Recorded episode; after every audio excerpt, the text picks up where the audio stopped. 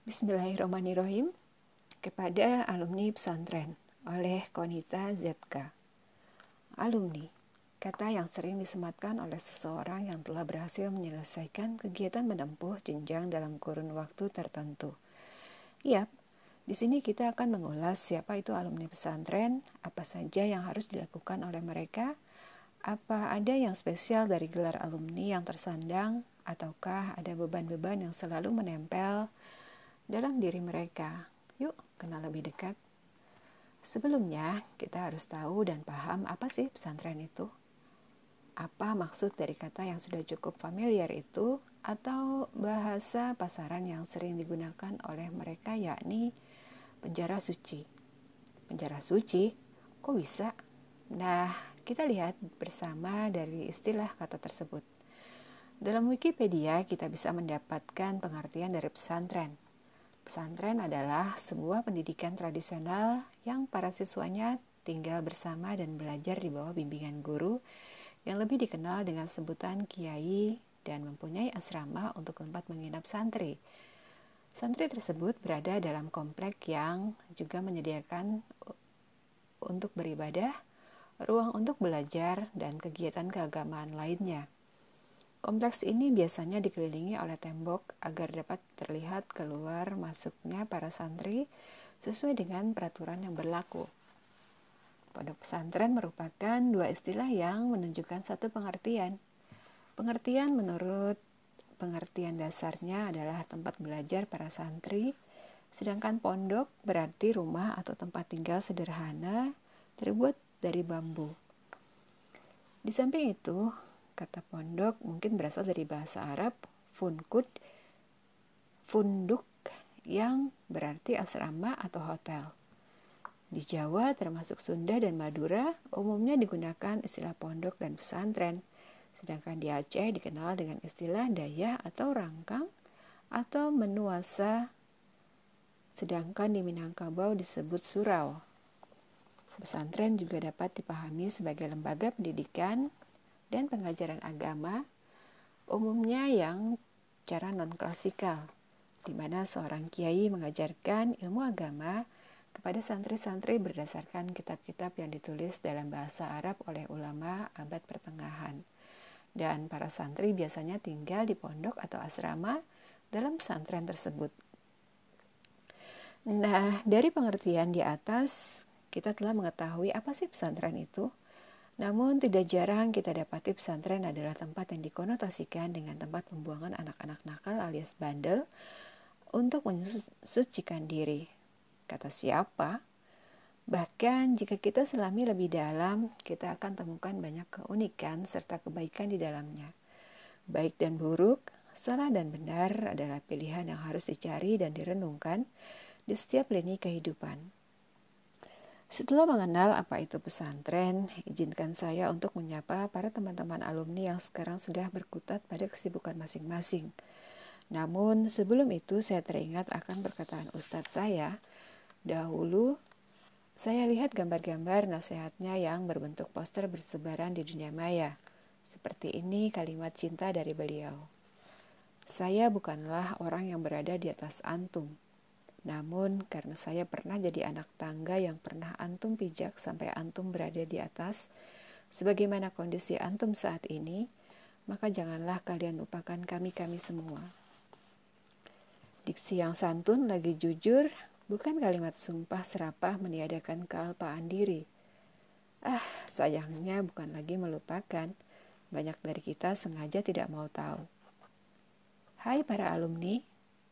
Ah, namun aku tak pernah tega menuliskan mantan santri, karena sampai kapan pun kita adalah hamba Allah yang punya kewajiban menyuarakan syiar-syiar agama ini. Namun lagi-lagi yang terganjal pada diri, apakah dengan status kita yang sudah disandang sekarang ini lantas menjadikan diri lupa bahwa kita pernah ada pada posisi yang sangat berharga? Bukankah yang menjadikanmu hebat setelah Allah adalah doa-doa para ustadz dan ustazah kita dahulu? Maka tak pantaslah untuk kita menjadikan status yang disandang sebagai landasan. Ah, itu kan masa lalu. Itu mah pas masih polos-polosnya aja jadi santri. Buat apa kita ingat-ingat? Bukankah kita harus move on? Lalu tanpa sadar kalimat tanya itu pernah melintas pada diri. Kalimat yang tanpa sadar dapat menghilangkan ingatan kita pada segala kebaikan yang pernah kita dapatkan pada masa santri. Bukankah kita adalah bertanggung jawab atas bukankah kita adalah penanggung jawab atas diri kita sendiri, orang lain, serta keadaan umat hari ini? Mari kita renungkan bagaimana Allah menjadikan kita sebaik-baik makhluk. Atas dasar kecintaan pada hamba-hamba yang saleh, Allah tak akan pernah menyia-nyiakan diri kita seperti yang telah Allah sampaikan dalam pada kalam indahnya dan dialah yang menjadikan kamu sebagai khalifah-khalifah di bumi dan dia mengangkat derajat sebagian kamu di atas yang lain untuk mengujimu atas karunia yang diberikannya kepadamu. Sesungguhnya Tuhanmu sangat cepat memberi hukuman dan sungguh dia maha pengampun, maha penyayang. Quran Surat Al-An'am ayat 165 Maha benar dengan segala firman-Nya, ada satu kalimat yang membuat diri benar-benar terpukul, membuat saya yang juga bagian dari para alumni merasa belum apa-apa. Kalimat tegas dan mantap dari beliau, Dr. Najih Ibrahim. Ketahuilah, agama ini hanya tegak di atas pundak orang-orang yang memiliki azam yang kuat. Ia tidak akan tegak di atas pundak orang-orang yang lemah dan hanya suka berhura-hura. Tak akan pernah. Lalu kita mer bisa merenung bersama. Tanyakan baik-baik dengan lembut pada diri. Kita ini sudah apa? Apa yang kita dapat dari pesantren yang bertahun-tahun kita tempuh? Sebab apa yang dikerjakan akan dimintai pertanggungjawaban nantinya. Mari kita tanyakan pada diri kita masing-masing, apa yang sudah kita lakukan dalam membela agama ini? Apakah status alumni hanya menjadi penghias diri dikala ada yang bertanya, kamu lulusan mana? Ataukah hanya sekedar ingin menerima pujian dan iming-iming yang hang, yang bagus dari segelintir manusia di kalangan kawan dan keluarga, baik nyata maupun maya. Tertatih-tatih, berlari-lari, atau bahkan hingga terseok, tak akan sadar kita sedikit demi sedikit meninggalkan segala hal yang telah kita upayakan pelajari baik-baik di pesantren. Lalu diri membela segala hal keakuan yang tidak sadar telah kita lampiaskan pada kesenangan duniawi yang sementara ini. Lantas diri bergumam, adakah astar atau bekas yang kau tinggalkan selama masa santri? Tamparan itu berkali-kali saya lakukan pada diri sendiri. Seringkali acuh mewarnai diri yang tak terkondisikan saat khilaf menyapa. Aku lelah tertunduk kaku. Begitu kira-kira saat sebagian orang banyak mengelus dada atas sikap yang kontradiktif dengan gelar yang tersandang. Ucapan-ucapan yang tak enak didengar, bahkan kalimat-kalimat kritis penuh nada ambisi, anak pondok ya dulu, kok begitu? Eh, gak nyangka, anak pesantren coy, kelakuan gak jauh sama anak jalanan. Pernah mondok ya? Kok gak kelihatan bekasnya? Atau yang lebih miris, alumni pondok begitu. Alumni pondok begitu aja nggak bisa. Wahai alumni kita bukanlah malaikat. Memang kita bukanlah malaikat yang sempurna untuk tunduk pada perintah Allah. Namun kita adalah makhluk yang dicipta dengan sebaik-baik penciptaan. Maka sudah kewajiban bagi kita seorang muslim untuk membalas kebaikan yang Allah karuniakan yakni dengan menjalankan perintahnya serta menjauhi larangannya. Jadi bukan karena kita adalah manusia yang pastinya tak luput dari dosa, lantas kita dapat dengan mudah mengabaikan ilmu-ilmu yang telah beliau-beliau ajarkan, bahkan mendidik kita dengan penuh kesabaran. Alangkah sombongnya kita meneriakan kesenangan bahwa lulus adalah predikat yang ditunggu-tunggu. Memang benar, saat kita dihadapkan oleh banyak kasus yang tak terduga sebelumnya, saat diri dihadapkan oleh banyak pertikaian yang tak kunjung reda, kita bergumam. Aku gak mau kok lihat dari penilaian manusia, aku cuma butuh dinilai Allah. Biarkan saja aku jelek di mata orang-orang, biarkan saja aku, orang mau nilai aku kayak apa, bagaimana. Hai, alangkah sombong kita untuk tidak mencari ridho manusia tak seperti itu caranya. Ada sikap yang lebih elegan daripada harus menyalahkan keadaan seperti itu. Secara tak sadar, kita enggan menerima macam nasihat yang datang pada kita. Pada khilaf yang tak pernah lepas dari keseharian kita, maka memohon ampun atas segala dosa adalah keharusan. Masih ingatkah saat kita berjajar rapi meluruskan saf pada permulaan sholat jamaah di pesantren dahulu? Masih ingatkah kita bagaimana bersusun-susun nasihat menyejukkan yang beliau para ustadz dan ustazah berikan kepada kita? Atau tak ada yang perlu diingat? Berharap itu semua hanya menjadi kisah silam yang usang atau hanya menjadi pelengkap diari imut yang entah di mana sekarang letaknya. Wahai diri, jangan pernah bosan atas nasihat yang selalu menyakitkan didengar, namun ia dapat mengesyafi diri Ya akhwati, aku tak benar-benar baik seutuhnya. Namun juga tak berharap menjadi orang yang buruk. Bukankah lebih indah jika kita menuju baik bersama-sama? tersenyumlah dan aku akan ceritakan pada kalian indahnya ukhuwah atas dasar cinta karenanya. Ukhuwah yang tak mudah goyah hanya karena kau suka warna merah sedangkan aku suka warna biru atau semacam aku suka makanan itu dan kau tidak. Bukan, bukan serendah itu kuah. Ia adalah karena ruh-ruh yang bercahaya kan iman saling terikat. Kau masih ingat bukan saat kita sama-sama menahan lapar karena puasa sunnah yang kau bilang adalah amalan rutin yang mungkin menjadi amal andalan. Ah, aku rindu bercengkrama manis sambil bertanya di selasar musola atau saat hafalan yang tak kunjung dapat diingat dan kau memberikan solusinya. Atau lomba-lomba kebaikan yang tentu orientasinya adalah akhirat, insya Allah. Lalu sedang apa kita sekarang? Masihkah orientasi amal menuju ridhonya? Atau malah menjadikan kita dalam kepedihan duniawi yang tak ada, tak ada batas? Waktu yang tak akan pernah dapat diulang diriset, atau bahkan diputar kembali dengan mesin ajaib. Waktu yang tak akan pernah menunggu kita walau hanya meminta satu detik untuk berhenti. Lalu, sudahkah waktu kita yang tersisa membawa kita kepada jannahnya? Lagi-lagi menjadi alumni adalah tugas. Menjadi alumni adalah beban yang indah bila ikhlas dirasa. Atau sebaliknya, menjadi beban paling menyakitkan bila dicerca alumni pesantren bukan nabi. Dan aku pun tahu itu adalah kalimat baik, namun sering kali salah penempatan. Yang terkadang diri bersandar padanya. Kalimat yang diserukan dengan lantang ketika sebagian orang memandang perilaku yang tak sepadan dengan label yang tersemat. Namun, bukankah seharusnya kita berterima kasih? Seharusnya kita bersyukur ada banyak masang mata yang membutuhkan kita bukan membutuhkan kita menjadi orang terkenal, bukan, tapi mereka membutuhkan sumbangsih kita yang mungkin dapat memperbaiki keretakan-keretakan realita yang sedang terjadi dewasa ini.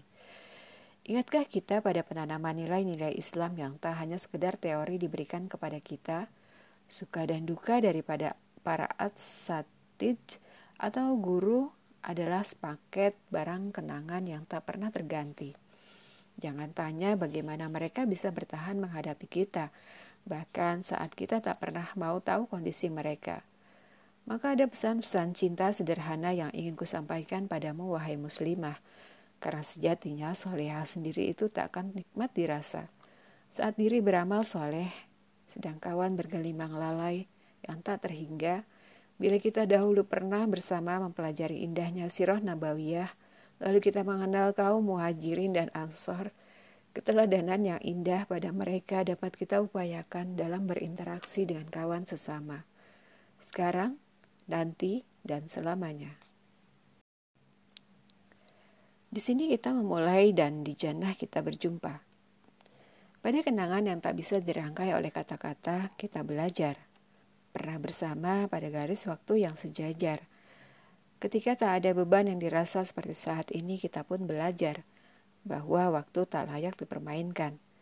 Jelas sekali telah disampaikan dalam sebuah hadis, tidaklah kedua kaki seorang hamba itu melangkah sebelum ditanya tentang empat hal, tentang umur, untuk apa dihabiskan, tentang kesehatan fisik, untuk apa dipergunakan, tentang harta, di mana diperoleh dan untuk apa dibelanjakan, dan tentang ilmu, apakah sudah diamalkan. Hadis riwayat Tirmizi. Begitulah mulianya waktu. Ia berjalan ke depan dan tak akan mundur barang sejenak. Namun, pertanggungjawaban atas setiap detik adalah kepastian. Maka, mari melangkah menuju jannahnya dengan hati yang bahagia. Ada apa dengan waktu? Toh kita hanya sebentar bermain, tak akan berlama-lama. Lagi pula kita ingat kok kewajiban kita.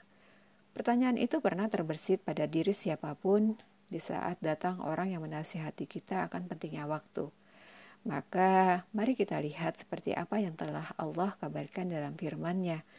Dan mereka berteriak di dalam neraka itu, Ya Tuhan kami, Keluarkanlah kami, niscaya kami akan mengerjakan amal yang soleh berlainan dengan yang telah kami kerjakan. Dan apakah kami tidak memanjangkan umurmu dalam masa yang cukup untuk berpikir bagi orang-orang yang mau berpikir? Dan apakah tidak datang kepadamu pemberi peringatan? Maka rasakanlah azab kami dan tidak ada bagi orang-orang yang lalim seorang penolong pun. Quran Surat Fatir ayat 37 Begitulah berharganya sebuah waktu. Jangan sampai kita termasuk di dalam ayat yang Allah firmankan tadi. Memohon ampun adalah keharusan yang tak ada kata tapi. Dalam lelah yang dirasa, tersenyumlah, sebab Allah tengah menyiapkan hadiah indah dan istimewa bagi hamba-hamba yang bertakwa. Allah selalu tahu yang terbaik pada lelah yang dirasa. Allah juga selalu punya kekuatan dan daya untuk memampukan seseorang dalam menjalani aktivitasnya. Jika dahulu kita mudah dan sempat dalam membaca Al-Quran tanpa tapi, maka cobalah hal itu dengan niat baik sekarang ini. Jika dahulu kita mudah berlomba-lomba menunaikan puasa sunnah yang terasa mudah, maka cobalah hal tersebut pada saat ini. Allah tak pernah mempersulit seorang hamba, Justru hambanya sendiri yang tak pernah berani mencoba keluar dari perangkap dirinya sendiri. Sebab orang-orang besar tidak pernah menyerah dengan keadaan. Justru tantangan yang menghadang di, di depannya diubahnya menjadi kesempatan. Ya akhwati, sungguh mulia sebuah niat. Maka niatkanlah apa ya apa yang tersulit pada diri menjadi semata-mata karenanya. Bersama menuju jannahnya, Meski kaki seringnya tak sadar ingin melangkah karena mencari ridho manusia. Bismillah, pada tekad yang menghujam, kuat kita sandarkan bahwa hanya pada Allah lah kita berserah diri, memohon petunjuk pada setiap keraguan yang datang. Dunia sebuah tawaran menggiurkan di dalamnya, penuh dengan kemewahan dan permainan yang mengasihkan namun melenakan. Ketahuilah, Sesungguhnya kehidupan manusia itu hanyalah permainan dan senda gurau, perhiasan dan saling berbangga di antara kamu serta berlomba dalam kekayaan dan anak keturunan seperti hujan yang tanam tanamannya mengagumkan para petani. Kemudian tanaman itu menjadi kering dan kamu lihat warnanya kuning kemudian menjadi hancur. Dan di akhirat nanti ada azab yang keras dan ampunan dari Allah serta keridoannya. Dan kehidupan dunia tidak lain hanyalah kesenangan yang palsu. Quran Surat Al-Hadid ayat 20 Ada apa dengan hati?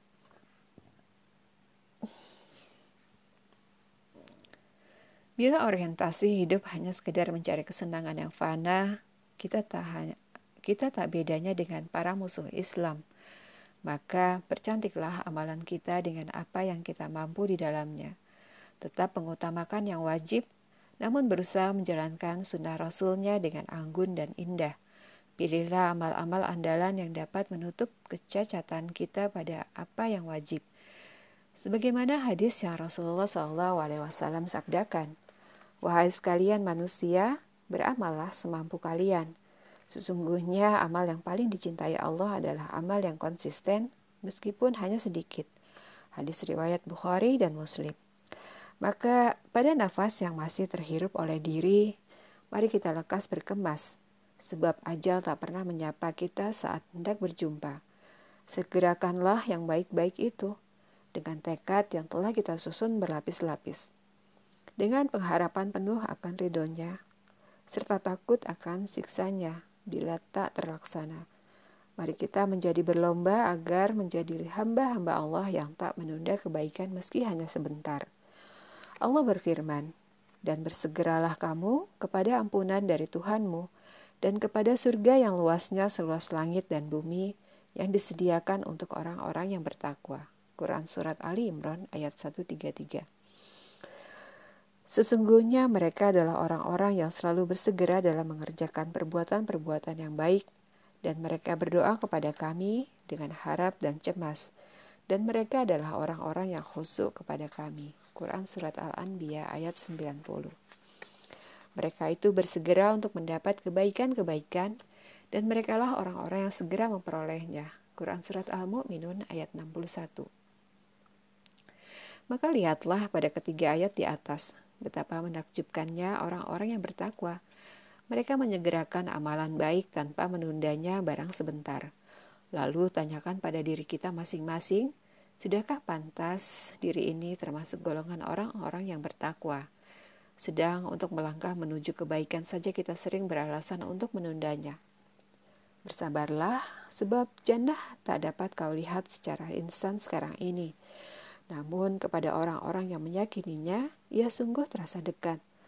Bersama di jalan taat, meski sesak akibat perbedaan yang sering tergores atau perangai yang tak sedap kita hadapi, maka bersabarlah.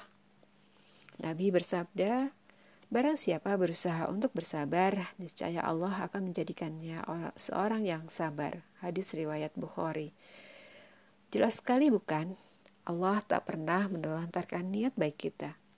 Meski begitu, niat baik kita akan sering diuji bukan hanya sekali, namun berkali-kali, sampai Allah tahu mana hambanya yang bersungguh-sungguh bermunajat kepadanya.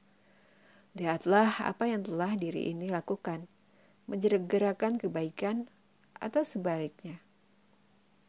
Dan Allah tidaklah menzalimi mereka, akan tetapi mereka lah yang selalu menzalimi diri mereka sendiri. Quran Surat An-Nahl ayat 33 Maka sebaliknya, mereka yang mengutamakan kecintaan pada dunia, Allah berikan kegelisahan yang berkepanjangan. Sekali lagi, Allah tak pernah menzalimi hambanya. Kita saja yang sering merasa nyaman dan pada lalai yang dirasa. Malah menjadi saksi siapa saja yang sedang sibuk membisu. Seakan tak ada hal lain yang menjadi kewajibannya. Ada saja kisah yang terselip di balik canda, tawa, tangis, bahkan emosi sesaat. Ada kalanya kita berlaga bak orang dewasa, mengatur dengan sukacita, berpikir keras menyelesaikan masalah yang ada, mencoba tabah dalam setiap musibah yang menimpa. Namun tak terpungkiri juga, ada saja tingkah laku diri bak seorang anak kecil merajuk pada ibunya.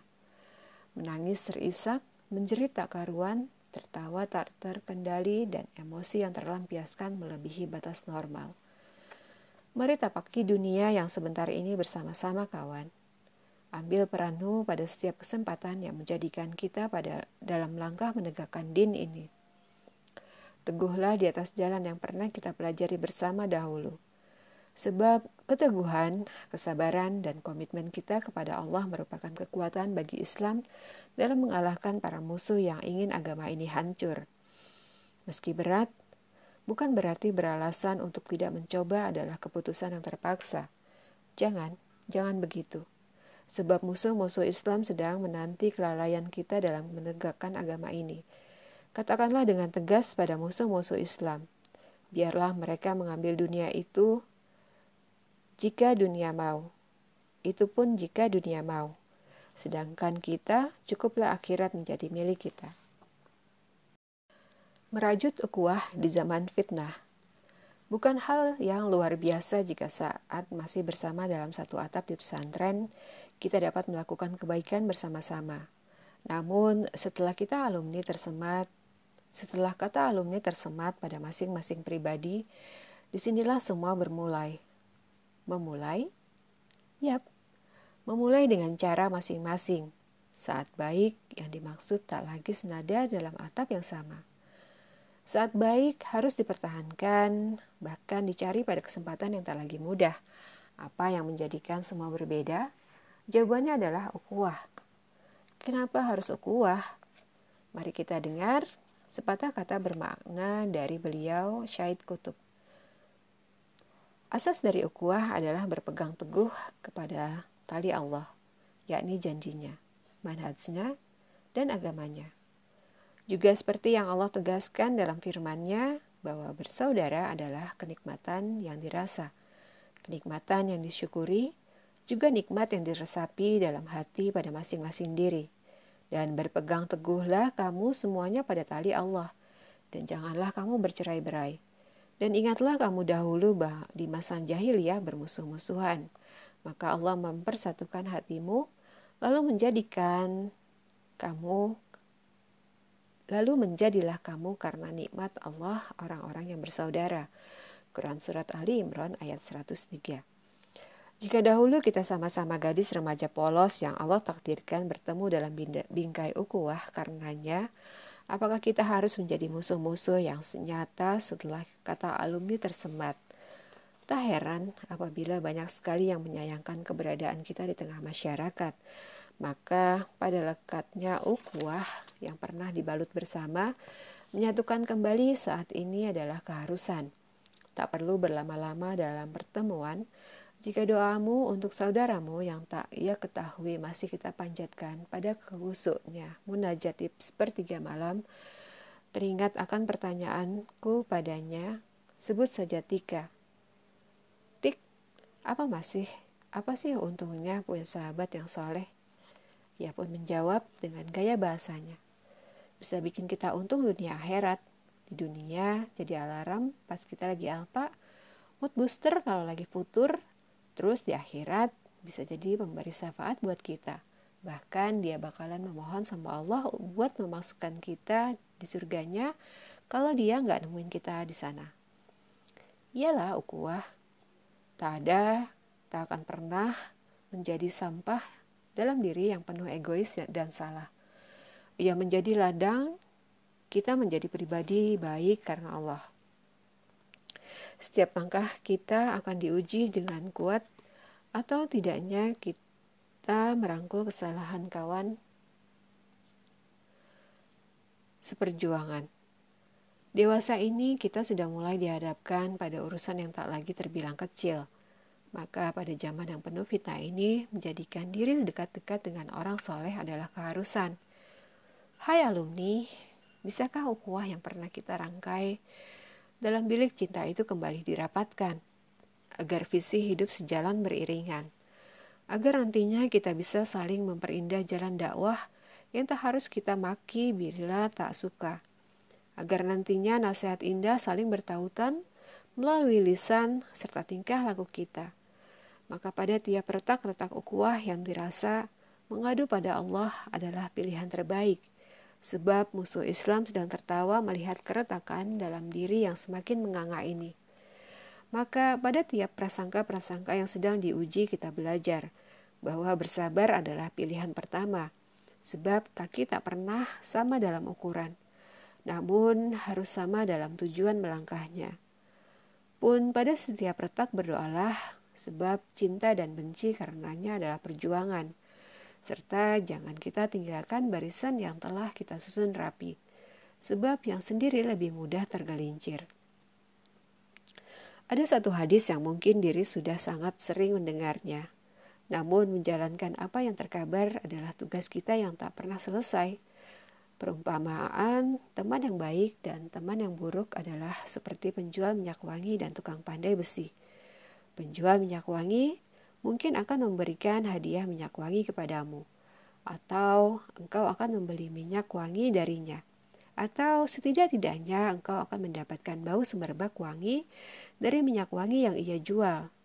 Adapun bersama tukang pandai besi, engkau bisa terbakar karena apinya, atau jika tidak, engkau pasti akan mendapati bau angus. Hadis riwayat Bukhari dan Muslim. Entah mahal atau karena sulitnya kita mencari sepenjual minyak wangi itu, lantas kita memilih lebih senang berkumpul dengan si pandai besi. Alangkah ruginya kita menukar akhirat dengan dunia. Maka pada rangkaian perjalanan panjang menuju akhirat, Bertahan pada kekurangan atau kekhilafan dari seorang teman yang soleh adalah keharusan. Agar senantiasa saling menasehati, menjadi laku diri yang telah tertanam di sanubari. Teringat juga seseorang teman yang ku kenal baik. Pertanyaan singkatku tak terasa ia jawab dengan panjang dan santun. Kumulai pertanyaanku, apa alasan kamu bertahan sampai lulus di pondok pesantren? Ia pun menjawab dengan jawaban seperti potongan curhat yang mengalir. Sebut saja Iza, teman sekamarku saat di bilik cinta dahulu. Karena rasa penasaran sih, ingin tahu atau kepo. Awal masuk manis sama pahitnya, lebih banyak pahitnya. Tapi aku yakin semua nggak akan berakhir dengan pahit. Jadi nggak berhenti pada rasa pahit di awal itu adalah pilihan buat merasakan manis di akhir. Walaupun kelihatan sekali manisnya, itu bagaimana, kayak apa. Um, manis dan pahit itu dalam hal apa pun loh ya. Dalam hal menimba ilmu, bergaul, bisa juga dalam menjalankan amanah. Katanya belum nyantri atau mondok kalau belum merasakan nihai, jenjang akhir sekolah. Nah, kata-kata sesepuh yang awalnya cuma terbersit jawaban, ah masa sih kayak gitu? Kelas satu pun dilalui dengan banyak duri dan rintangan air, ma air mata. Lebih banyak air matanya sih daripada ketawa bahagia. Paling-paling kalau ketawa pun buat nutup air mata. Kelas 2 mulai menjadi mudah mudah mudabir secara semacam ke, kepengurusan OSIS. Ada jangan bayangkan jadi robit, ketua bagian. Itu semudah mikul jabatan. Di awal dan di akhir ke imarohan atau masa jabatan, amanahnya tuh berat, lebih berat dari berat badan aneh. Sana sini haters So, jadi orang kuat adalah usaha untuk menjadi orang kuat yang sesungguhnya saat mudabir. Walaupun ujung-ujungnya tetap laporan ke pada atasan dengan tersendu. nah, masa ini yang disebut keemasan, yakni nihai. Pertama, pengumuman dipanggil nihayat bangga, senang, dan gak tahu kenapa dulu bisa ngerasa kayak begitu. Pada saat itu ternyata memang berasa jadi diri sendiri banget – tidak ada gengsi sama teman. Negur ini lewat hati karena kita nggak bertitel apa pun. Negur itu lewat hati karena kita nggak bertitel apa pun. Jadi yang menerima teguran kita tak sesusah saat mudobir. Sama ustazah kita terbuka. Pelajaran jadi waktu curhat pun biasa. Ternyata benar kata sesepuh alumni kita kalau nyantri itu ya nihai. Pas kelas 1 ada ujian, sabar. Bentar lagi mau. Pas mau dapat cobaan, sabar. Bentar lagi nihai. Pas nihai dapat ujian, sabar. Bentar lagi lulus. Coba deh. Kalau bukan karena rasa penasaran akan khotimahku di pondok. Mungkin aku nggak bisa menjawab pertanyaanmu. Juga tak lepas dari nihai loh aku bertahan sampai lulus pondok. Terima kasih untuk kalian yang pernah mengenalkan diri ini arti ukuah. Menerima kekurangan kawan, serta menjadikan nasihat sebagai senjata dalam khilaf pada diri ini. Seperti kalam indahnya yang tak pernah bosan untuk didengar. Teman-teman akrab pada hari itu sebagiannya menjadi musuh bagi sebagiannya yang lain kecuali orang-orang yang bertakwa.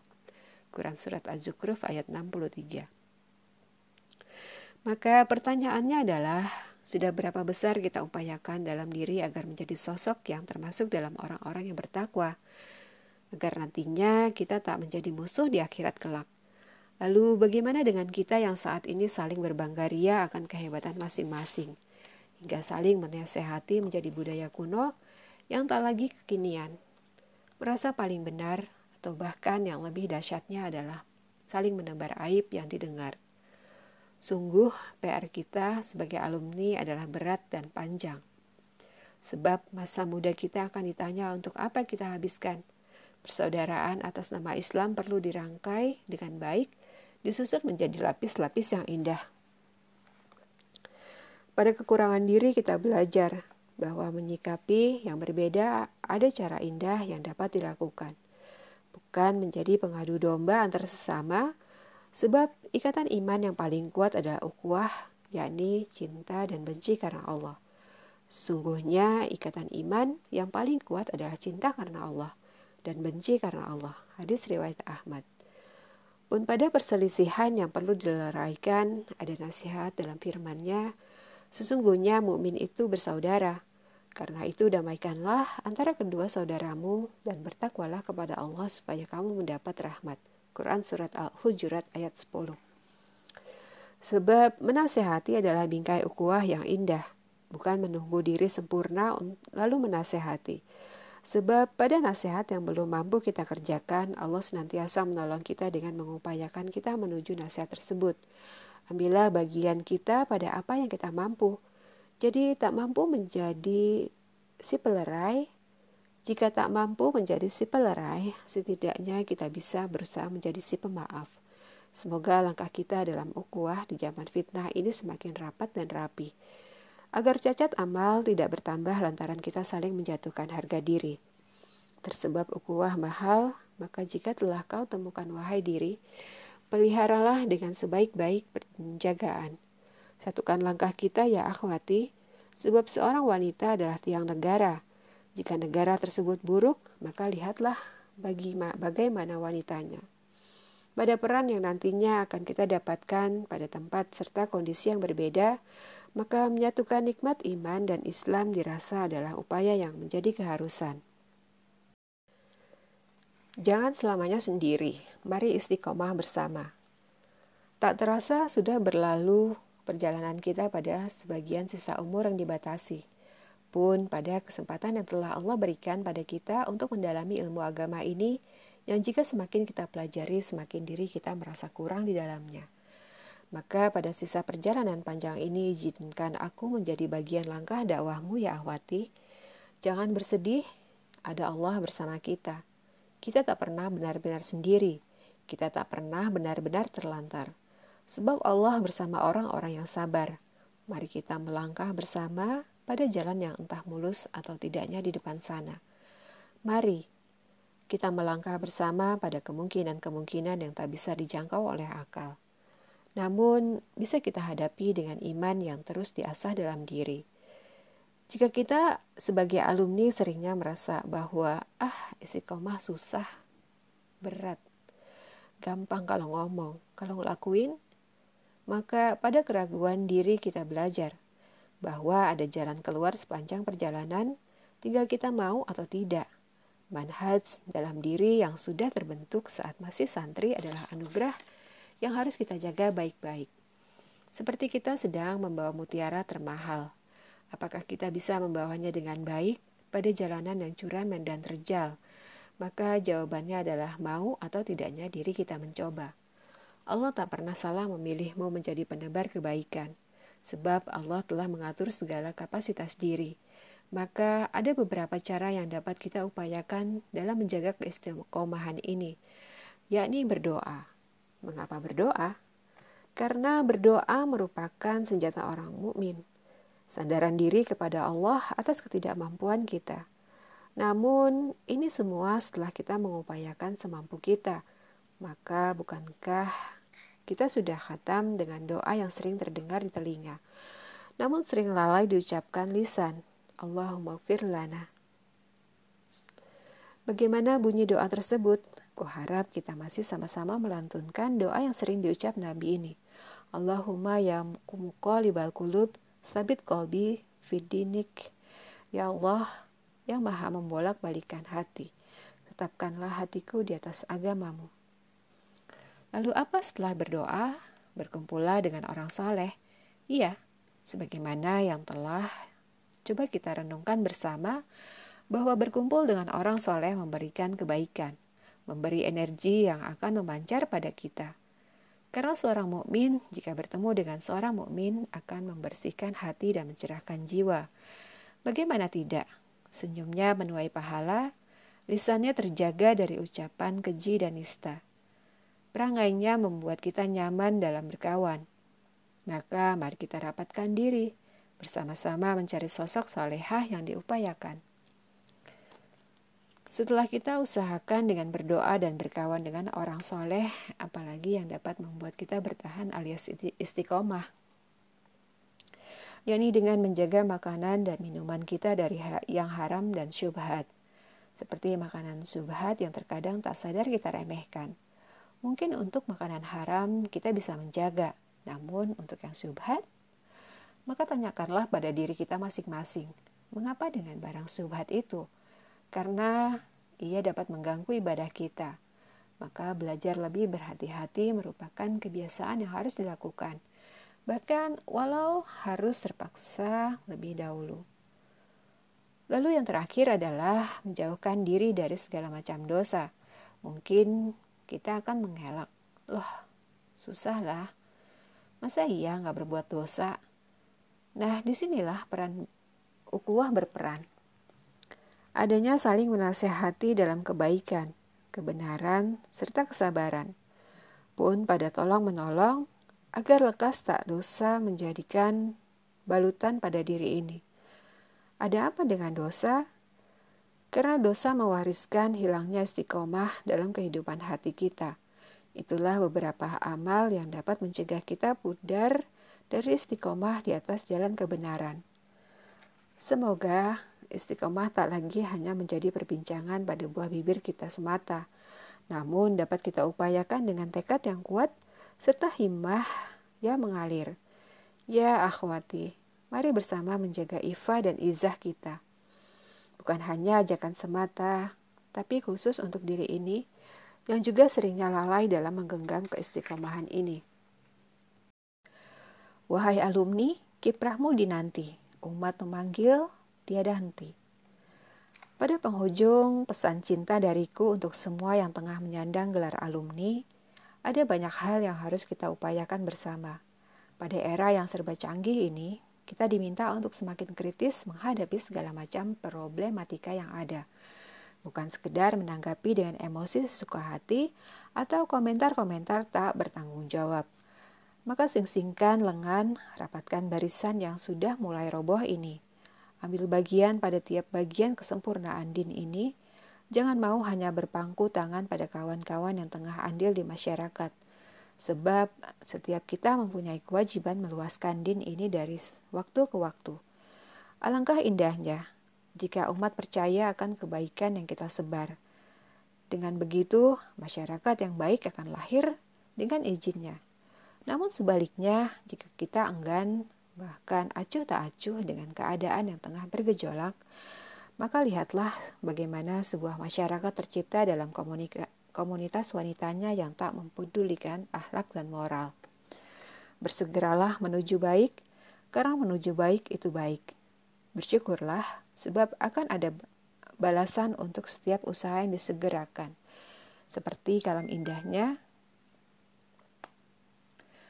agar dia Allah memberi balasan kepada orang-orang yang beriman dan mengerjakan kebaikan – mereka memperoleh ampunan dan rezeki yang mulia atau surga. Quran Surat Sabah ayat 4.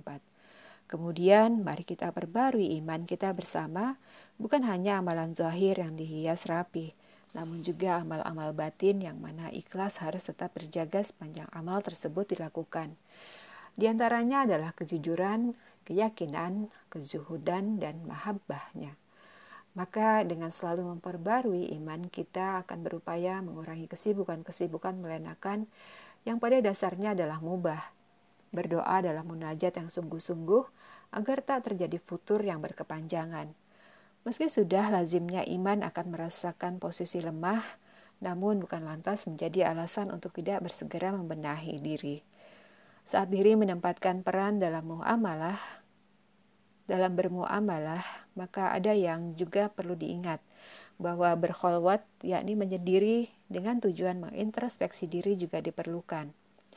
Agar diri dan hati terdidik untuk merenungi kecacatan-kecacatan amal yang tak terasa telah tertanam subur dalam hati. Di saat kesendiriannya itu, ia digunakan untuk mengapit cinta lebih dekat dengan Sang Pencipta, Allahu Akbar. Bukan sekedar mengasingkan diri karena tak sanggup berjamaah, bukan. Sungguh menyendiri ini tak lain untuk menghitung-hitung semua kecerobohan diri, terlebih kemaksiatan yang tak diketahui banyak orang, seperti ujub, ria, dan sum'ah. Dalam fase ini, kita dapat mendidik hati kita sendiri – bahwa keberhasilan dakwah bukan semata-mata karena ilmu yang sangat detail kita kuasai atau karena kefasihan bicara. Itu semua tak lain sebab Allah memberikan taufiknya pada kita, anugerahnya, serta sifat penyayang serta pemurahnya. Dengan harap dosa-dosa yang terselip akan menuai hasil yang indah seperti maaf yang selalu ia berikan pada hamba-hambanya yang segera bertobat. Sekali lagi, bukan bersendiri dalam dakwah, namun menyiapkan waktu terbaik dan terindah untuk sendiri.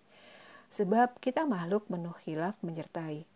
Tetap dalam barisan ya akhwati, pegang teguhlah apa yang telah kau rajut selama ini. Jangan cerai beraikan dengan mudah, sebab pemintalnya kembali butuh tenaga serta azam yang tak main-main pula. Cintai segala proses yang menjadikan kita lebih baik nantinya. Insya Allah. Ya akhwati, dengan telah tersematnya gelar alumni pesantren pada kita, maka belajarlah mulai saat ini merenovasi ulang bangunan pada diri yang terlalu usang tak karuan, atau dengan merombak habis-habisan ruang yang telah bersarang kezaliman. Sebab jika nantinya kita menjadi ibu kelak, kita akan menjadi madrasah pertama pejuang kita nantinya. Lalu, bagaimana pejuang tangguh lahir dari madrasah yang usang tak terawat? Semoga kita dapat merenungkan kembali gelar alumni pesantren yang telah menghiasi diri ini. Dalam pengharapan panjang, semoga pejuang tangguh dapat lahir dari ketaatan kita membela din yang mulia ini. Maka ini adalah PR-ku, PR-mu, serta PR kita bersama. Salam hangat dariku, saudara muslimu yang juga bergelar alumni pesantren. Wallahu alam bisawab, astagfirullah wa na'udzubillah natubu ilaih